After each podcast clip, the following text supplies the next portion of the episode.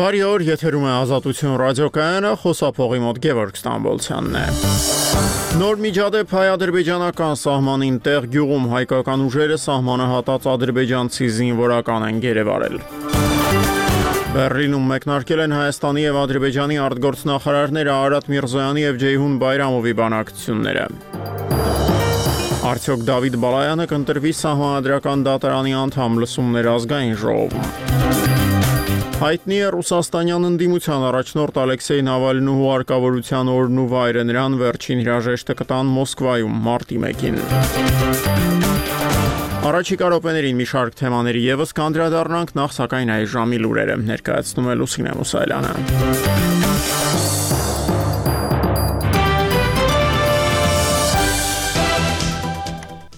Բերլինում մեկնարկել է Հայաստանի եւ Ադրբեջանի արտգործնախարարներ Արարատ Միրզոյանի եւ Ջեյհուն Բայրամովի ղեկավարած պատվիրակությունների հանդիպումը, այս մասին հայտնում է Հայաստանի արտգործնախարարությունը այլ մանրամասներ չփոխանցելով։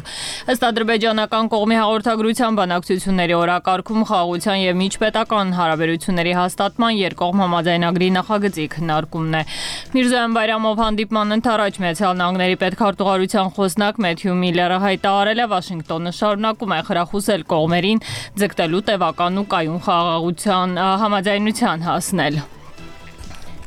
Այսօր առավոտյան Սյունիքի մարզի տեղ յուղի հատվածում ադրբեջանցի զինծառայողն անցել է հայկական տարածք Բաքուն իր հերթին հայտնել է, որ առավոտյան ադրբեջանական բանակի զինծառայող Ռուսլան Փանախովը մոլորվել է Լաչինի շրջանում անբարենպաստ եղանակի պատճառով։ Մանրամասները լուրերից հետո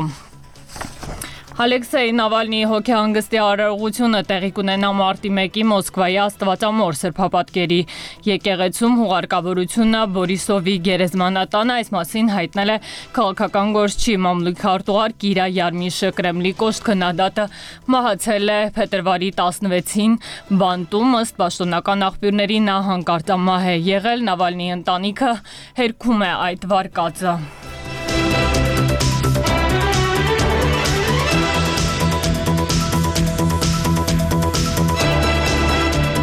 Շնորհակալություն Լուսինե, շարունակում ենք թողարկումը նախ այսօրվա առավոտյան հայ-ադրբեջանական սահմանի տեղ գյուղի հատվածում արձանագրված միջադեպի մասին առավոտվանից լուրեր էին շրջանառվում այստեղ հնչած գրակոծների մասին։ Մի քանի ժամ առաջ էլ հայկական կողմը պաշտոնապես հաստատեց, որ պաշտպանության նախարարության այս ուղությամբ տեղակայված ստորաբաժանումների զինծառայողներին հաջողվել է գերեվարել շփման գիծը հատած ադրբեջանցի մի զինծառայողի, որն ի դեպ զինված է եղել։ Տեղի բնակիչների պնդմամբ, սակայն սահմանը հատած ադրբեջանցիները երկուսն են են եղել եւ նրանցից մեկին հաջողվել է թաքնվել։ Տեղի միջադեպի այս պայն հայտնի մանրամասներն իմի է բերել Սուսան Բադելյանը։ Ադրբեջանցի զինծառայող է այսօր Լուսադեմին Սյունիքի տեղ գյուղի հատվածում անցել հայկական տարածք։ Ազգային անվտանգության ծառայությունից տեղեկացնում են Ժամը 5:15-ի սահմաններում Սյունիքի մարզի տեղ համայնքի սահմանային հատվածում հայ-ադրբեջանական շփման գիծը հատել է ադրբեջանական զինված ուժերի զինծառայող, ով զինված է եղել ԱԿՄ տիպի ինքնաձիգով ու 1 պահատուփով։ Վերջինս վնասազերծվել է պաշտպանության նախարարության զինծառայողների կողմից։ Տեղ համայնքի ավականու անդամ Արգամ Հովսեփյանի խոսքով ադրբեջանցի երկու զինծառայողներ են եղել, մեկը փախել է, մյուսին գտել են հայ պայմանագրայինները։ Գյուղի տակ առավոտ 6-ից 7 բռնվել են։ Մեկը փախել է, մեկին բռնել։ Երևի իրանց կողմից իրար հետ խնդրեմա եղել, տենց գիշերվանից ինչ որ 3-ից կեսպան դենները գալիս էր։ Այն ֆանարը որ գցում էին, այն իրար հետևից տենց ասվազում էին Դրանք եկել են տեղ գյուղի տակ մեր պայմանագրայինները բռնել են։ Ըստ Հովսեփյանի Արավուսի դիմացի ադրբեջանական դիրքից են զինվորները փախել դեպի տեղ գյուղ։ Ենթադրում է ներքին վեճ է եղել։ Հավանաբար այդ պատճառով էլ երկու զինծառայողներ փախել ու հայտնվել են հայկական կողմում։ Արավուսցիներն ադրբեջանական այդ դիրքից աղմուկ ձայներ են լսել, նաև կրակոցի ձայներ։ Իրանց կողմից եղել, բայց մեր մեզ վրա չեն էլի կրակել, դա հենց երևի տղերքին գիշերն է եղել կրակոց, ոչ թե առավոտ։ Ադրբեջանի պաշտպանության նախարարությունը հայտնում է, որոնում են իրենց բանակի զինվոր Ռուսլան Փանախովին։ Նա ըստ Բաքվի այսօր առավոտյան Լաչինի շրջանում դիրքից դիրք գնալիս մոլորվել է վատ եղանակի պատճառով։ Տեղ գյուղում հայտնված Փանախովի դեպքի կապակցությամբ Հայաստանի քնչական կոմիտեում գործ է հարուցվել, որ հոդվածներով իրավապահները դեռ չեն մանրամասնում։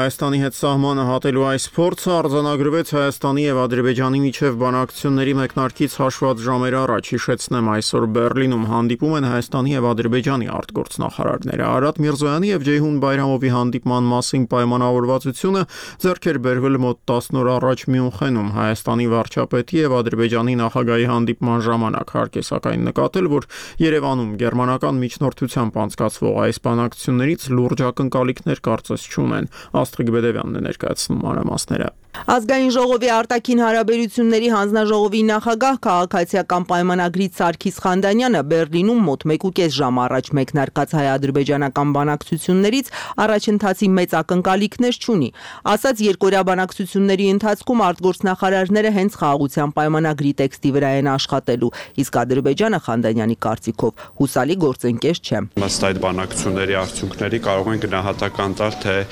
ինչ փուլում ենք։ Գիտեք, որ 7-րդ ռաունդն է եղել առաջարկների եւ այսօր արդեն եւ վաղը ըստ երևույթին տեքստի վրա արտգործնախարարները կաշխատեն եւ դրանից հետո կհասկանանք թե արդյոք առաջընթաց գրանցում են այս բանակցությունները թե դեռ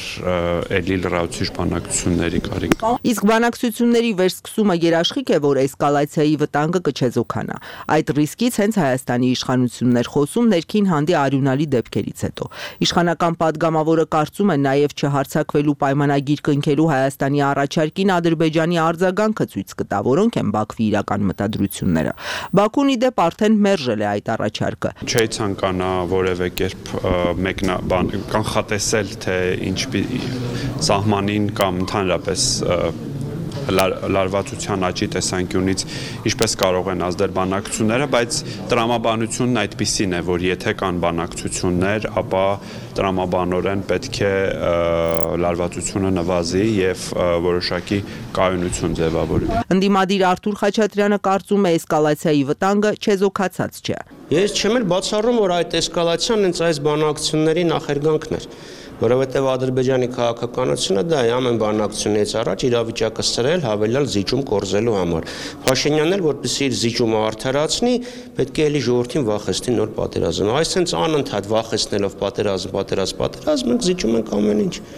Հիմա եթե դու 4 հոգու համար հակակայելի չես դիմում, Եվ վաղը 40 հոգու համար կարող է չդիմես, մյուսը 400 հոգու համար կարող է չդիմես։ Բերլինի բանակցությունները երկու օր կտևեն։ Հայկական կողմից դրանց մասնակցում է նաև Թուրքիայի հետ կարգավորման հարցով հատուկ բանագնաց ազգային ժողովի փոխնախագահ Ռուբեն Ռուբինյանը, միջազգային իրավական հարցերով Հայաստանի կառավարության ներկայացուցիչ Եղիշե Կիրակոսյանը։ Բայրամովի հետ է Ալիևի հատուկ հանձնարարություններով դեսպան Էլչին Ամիրբեկովը։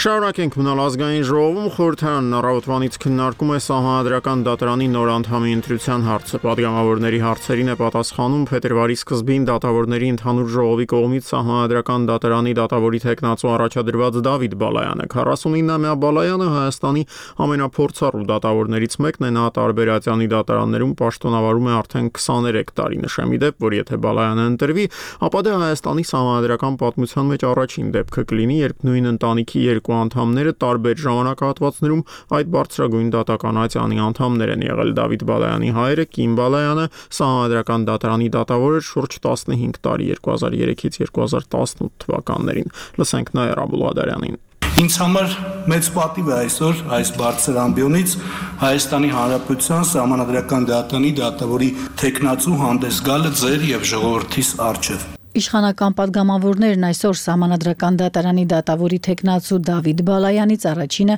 2018 թվականի հեղափոխության գնահատական պահանջեցին։ Ինչպես եք դուք մեկնաբանում այդ գործընթացներն, այդ փոփոխությունները որպես Հայաստանի Հանրապետության քաղաքացի, քանի որ դեռ դատավոր եմ, այս դալիճից դուրս գալուց հետո անկախ ազգային ժողովի կողմից կայացված որոշումից պետք է շարունակեմ պաշտոնավարումը իմ, բայց ընդհանուր իմ գնահատականը տամ որպես քաղաքացի։ Իրողություն է, որ Հայաստանի Հանրապետությունում 2018 թվականին տեղի է ունեցել հեղափոխություն։ Ժողովրդի կամքով տեղի է ունեցել իշխանափոխություն։ Որևէ մեկը չի կարող դա կասկածի տակ դնել, որ որ ընտրությունները կեղծվել են կամ ասենց աբսուրդ կլինի էլի այդ մասին խոսելը։ Ինչպես եք վերաբերում։ Տեսնեք ոնց արձագանքում, մենա նայեք, արձագանքում Սա ինչ հետևանքներ կարող է ունենալ պարոն Բարոյ։ Նախաձեռնողներին հարցրեք։ Չէ, դուք որպես դատավոր։ Ես ես գործը վաղ կարող է քննեմ, ինչ իմանամ, չեմ կարող դա այդում։ 49-նամյա Դավիթ Բալայանն ավելի քան 20 տարվա դատավոր է։ Նրա տեխնազությունն առաջադրել է դատավորների ընդհանուր ժողովը։ Տեխնացուի հայրը Կիմ Բալայանը սահմանադրական դատարանի դատավոր էր։ 2020 թվականի պատերազմից շաբաթներ անց հայր Բալայանը հացադուլ էր հայտարարել, պահանջելով քրեական գործ հարուցել վարչապետ Փաշինյանի նկատմամբ։ Իշխանականներն այսօր ըստ էության շատ սուր հարցեր չէին տալիս Դավիթ Բալայանին, բայց նաև չեն բացահայտել, թե ինչպես կքվեարկեն։ Ինքը Բալայանը խորհրդանի ամբիոնից իրեն ներկայացնելիս ասաց. այս ընտրությունն իր համար հնարավորություն է ներդրում ունենալ սահմանադրական արդարադատության իրականացման գործում։ Աշխատանքային գործունեության ընթացքում եղել եմ սկզբունքային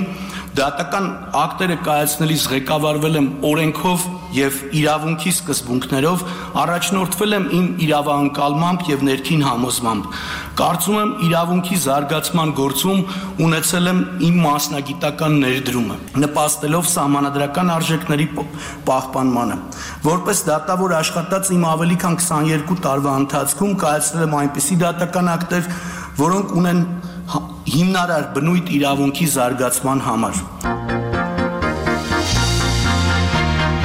Եվրախորհրդի անդամները երեք երեկոյան քննարկում էին Հայաստանի հետ հարաբերություններն ու Երևանի եվրաինտեգրման հերանեկարները։ Լսումներին ներկա եվրոպացի պաշտոնյաները պնդում էին, որ Հայաստանի հետ հարաբերությունները պատրաստվում են խորացնել երեք հիմնական ուղղություններով՝ անվտանգության ամրապնդում, տնտեսության դիվերսիֆիկացիա եւ վիզաների ազատականացում։ Արմեն Քոլոյանն է հետևել Ստրասբուրգում կայացած այս լսումներին։ We are at the historic moment in the EU-Armenia relations. Հայաստանի եւ Եվրոպական միության հարաբերություններում մենք պատմական հանգրվանի ականատես ենք։ Դրանք երբևէ այդքան ամուր չեն եղել։ Այդպիսի ուղերձով է Եվրոպական խորհրդարանում սկսել իր ելույթը Եվրոպական միության միջազգային գործընկերության հարցերով հանձնակատար Ֆինուհի Յուտա Ուրպիլայնենը։ They have never been stronger than today. This was confirmed 2 weeks ago at the 5th EU-Armenia Partnership Council։ Նրա խոսքով դա հաստատվել է երկու շաբաթ առաջ Հայաստանի եւ Եվրամիության գործընկերության խորհրդում։ Նա հիշեցրել է, որ դեռ 2023-ի հոկտեմբերին Եվրախորհրդարանի լիագումար նիստում վարչապետ Նիկոլ Փաշինյանն ընդգծել է, որ Հայաստանը պատրաստ է մերձենալ Եվրամիության հետ։ Armenia's past decisions which have resulted in political economic and security dependencies cannot be overcome overnight։ Նախկինում Հայաստանի ընդունած որոշումները հանգեցրել են քաղաքական եւ տնտեսական դժվարություններին եւ կախվածության անվտանգային բնագավառում։ Դրանք չեն կարող մեկ գիշերում հաղթահարվել, սակայն երկու կողմերի հստակ քաղաքական կամքը կընձեռի առաջ շարժվելու եւ մեր գործընկերությունը խորացնելու եւ ընդլայնելու հնարավորություն, ասել է Յուտա Ուրպիլայնենը։ Նրա խոսքով արդեն դրվել է ամուր հիմք օրինակ դա Հայաստանի եւ Եվրոպական միության համապարփակ եւ ընդլայնված գործընկերության համաձայնագիրն է եւ հիմա կողմերը մտադիր են կազմել գործընկերության նոր ավելի հավակնոտ ծրագիր այն հիմնվելու է ընդհանուր արժեքների վրա եւ կունենա 3 ուղություններ First, we will work to strengthen Armenia's resilience. Առաջինը Հայաստանի կենսունակության ամրապնդումն է։ Դա ենթադրում է առևտրի, էներգետիկայի, կապի եւ ավիացիայի ոլորտներում համագործակցության խթանում, Նա գովեստով է խոսել Հայաստանում Եվրամիության դիտորդական առաքելության առաջին տարեդարձի մասին հույս հայտնելով, որ այն կհզորացվի խաղաղության եվրոպական հիմնադրամի միջոցով։ Երրորդ ուղությունն էլ ներդրումներն են, որոնք կարևոր դեր են կատարելու տնտեսական համագործակցության բնագավառում։ Յուտա Ուրպիլայնենը նաև ասել է, որ Եվրամիությունը շարունակում է աջակցել Ղարաբաղահայությանը ֆինանսական միջոցներ տրամադրելով նրանց սոցիալ-տնտեսական խնդիրները լուծելու համար։ Մեր հաստատակամ հանձնառություն Հաջողությունը Հայաստանի եւ Ադրբեջանի միջև հարաբերությունների կարգավորման գործընթացին մնում է անփոփոխ, ասել է նա։ Այսօր արդեն Եվրախորհրդանի ամբիոնից ելույթ էր ունենում ռուսաստանյան ընդդիմության առաջնորդ Ալեքսեյ Նավալնու այրին Յուլիա Նավալնան։ Այս ելույթում Նավալնան ըստ էության թափանցիկորեն ակնարկել է, որ արևմուտքը պետք է Ռուսաստանի նախագահ Վլադիմիր Պուտինի դեմ ոչ քաղաքական ըստ էության բռնի մեթոդներ կիրառի, ասելով, որ քաղաքական մեթոդները Պուտինի դեմ չեն աշխատում, քանի որ նա արևմուտքի պատկերացումների համաձայն քաղաքական գործիչ չէ։ Այս հայտարարությունների ֆոնին Ալեքսեյ Նավալնումայից 12 օր անց նրա թիմակիցներն ու ընտանիքի անդամները վերջապես հստակեցրին ընդդիմադիր գործչի հուարկավորության օրն ու տեղը։ Նավալնուն վերջին հրաժեշտը կտան Մոսկվայում մարտի 1-ին եկեղեցական հոգեհանգստից հետո արդյոք ռուսաստանյան ընդդիմության առաջնորդի հուարկավորությունը կվերաճի անհնազանդության ակցիաների այսօրին Մոսկվայում առավել հնչող հարցը հենց դա է։ Ալեքսեյ Նավալնու հոգեհանգիստը տեղի կունենա մարտի 1-ին Մոսկվայի արվարձաններից մեկում Մարինոյի եկեղեցում նրա դին հողին կհանձնվի նույն օրը Բորիսովի գերեզմանատանը հայտնել է քաղաքական գործչի մամուլի քարտուղար Կիրա Յարմիշը 47-ամյա Նավալնու դին մահվանից 9 օր անց միայն անցած շաբաթավերջին հանձնեցին մորը Աջակիցները նշում են որ ճնշումները շարունակվել են նաև դրանից հետո եւ վերջին օրերին Մոսկվայի եւ Մերձմոսկովյան շրջանների ոչ միայն պետական այլև մասնավոր գործակալությունների մեծ մասը հրաժարվել է սքո արարողության համար սրահ տրամադրել։ Պուտինի կոշտ ընդդիմախոսը մահացել է փետրվարի 16-ին հերավոր հյուսիսի գաղութում։ Ըստ պաշտոնական վարկածի հանկարծամահ է եղել, սակայն թիմակիցները վստահ են, որ քաղաքական շարժարիտներով ազատազրկված Նավալնուն բանտում սպանել են։ Կինը Յուլիա Նավալնայան, որ հայտարարել է, թե շարունակելու է ամուսնու գործը, այսօր ելույթ է ունենալու Եվրախորհրդարանում։ Անցած շաբաթ էլ նա հանդիպել էր Միացյալ Նահանգների նախագահի, իսկ ավելի վաղ Եվրամիության առաջնորդների հետ։ Նավալնիի թիմակիցները նույնպես պնդում են, որ շարունակելու ստեղծելու են նրա գործը եւ որպես առաջին քայլ առաջարկում են կողմնակիցներին նախագահական ընտրությունների օրը մարտի 17-ին կեսօրին միասնաբար գնալ ընտրատեղամասեր, անվավեր դարձնել քվեաթերթիկը կամ ձայն տալ ցանկացած տեխնացուի Վլադիմիր Պուտինից բացի, ինչպես Նավալին էր հորդորել կալանավայրից։ Դա նրա վերջին կամքն է, որ մենք պետք է կատարենք երեք տեսաուղերձում ասել է Նավալնիի մտերիմ Լեոնիդ Վոլկովը։ Это и траурный митинг Սա նաև քաղաքացիական հոգեհանգստի արարողություն է։ Եթե կուզեք, սա ակցիա է Ալեքսեյ Նավալնիի հիշատակին։ Սա ակցիա է, որը Ալեքսեյ Նավալնին մեծ խնդրել է իրականացնել։ Эта акция, которую Алексей Навальный просил нас провести. Վոլկովը նաև վստահեցնում է, որ մարտի 17-ից հետո էլ է պայքարը Պուտինի իշխանության դեմ շարունակվելու մինչև ռեժիմը վերջնականապես փլուզվի։ Փետրվարի 1-ին սոցցանցերում իր վերջին գրառման մեջ Ալեքսեյ Նավալնին կոչ էր արել աջակիցներին մարտի 17-ի ուղիղ կեսօրին գնալ ընտրատեղամասեր եւ քվեարկել Պուտինի դեմ, դա անվանելով իսկական համառուսական բողոքի ակցիա, որը լիովին օրինական է եւ անվտանգ։ Նավալնիի մահվանից հետո օրեր շարունակ ռուսաստանցիները մեծ ու փոքր քաղաքներում դուրս էին գալիս բողոքի ակցիա ակցիաների անցած 10 օրում իրավապահները հարյուրավոր մարդկանց են բերման ենթարկել ծաղիկ խոնարելու կամ Նավալնու հիշատակը հարգելու համար։ Նրանց մեծ մասի դեմ քրեական գործեր են հարուցվել։ Մի մասին ուկրաինական ճակատ մեկնելու ցանուցագրեր տվել։ Ղարաբաղից պիտի վախենալ այն օրը, երբ որ 200-250 հազար մարդ անտուն, անօթևան, վիրավորված, զինված կլցվի Երևան։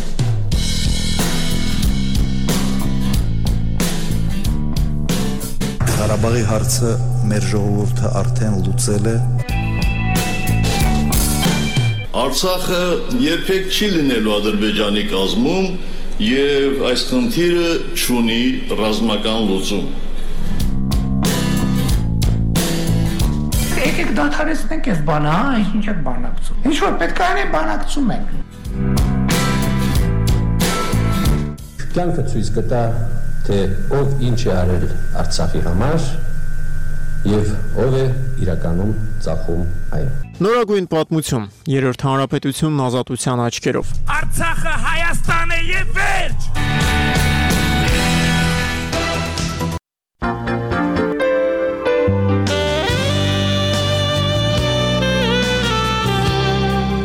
Այս ժամին այսքանը խոսափողի մոտ Գևորգ Ստամբոլցյանն էր ազատության հաջորդ թողարկումը եթերում կլինի 40 րոպեից։